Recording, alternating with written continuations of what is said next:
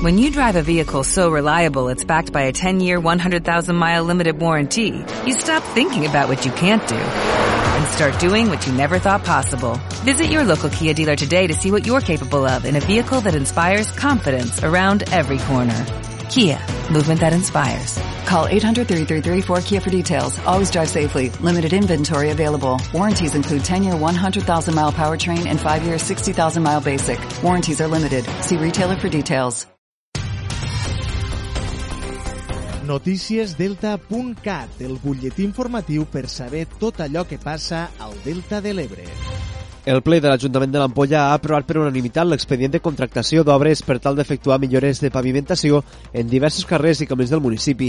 Durant el ple també s'ha donat llum verda amb 7 vots a favor del grup municipal de Junts, més un de Ciutadans, mentre que Esquerra ha votat en contra a l'expedient de concessió del servei d'aigua potable i xarxa de clavegueram de la població amb l'objectiu de realitzar diferents accions com per exemple la construcció d'una àrea de jocs infantil al passeig de l'Arenal, fer front a l'atorgament de diverses subvencions sol·licitades per entitats locals, així com poder pagar hores extres a treballadors i treballadores del consistori, s'ha autoritzat modificar els crèdits. I d'altra banda, Esquerra Republicana, més del Tebre, denuncia un retard de 6 anys en implementar els horts socials al municipi. De fet, va ser el ple municipal del 15 d'octubre de 2015 on se va aprovar per unanimitat una moció de la CUP per tal de crear una xarxa d'horts socials al municipi del Tebre. Segons Esquerra Republicana, la moció expressava la voluntat de crear una xarxa d'horts com una oportunitat de dur a terme polítiques de millorat de la situació econòmica, al mateix temps que se fomentessin la participació de la ciutadania i els valors de l'ecologia. I este cap de setmana torna l'activitat a l'espai de creació L'Obrador de Deltebre. Hi haurà dos tallers, un de danses urbanes i un altre de dansa contemporània. Els tallers seran presencials i gratuïts i per a participar cal inscripció prèvia.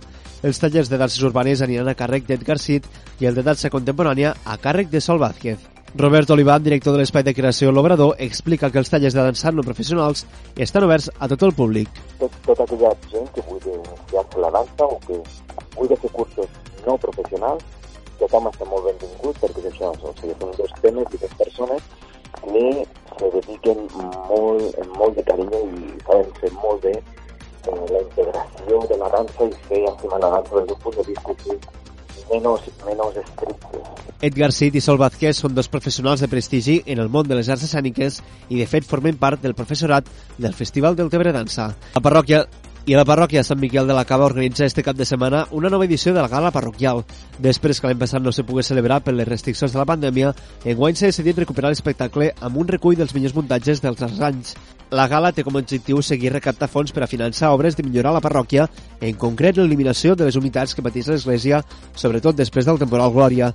Ho explica el mossèn Joan Garola, rector de la parròquia Sant Miquel i també, com no, doncs, per recollir fons. No? La parròquia sempre té projectes després de, de rehabilitar el saló parroquial, doncs és algo que també hem de començar a pensar.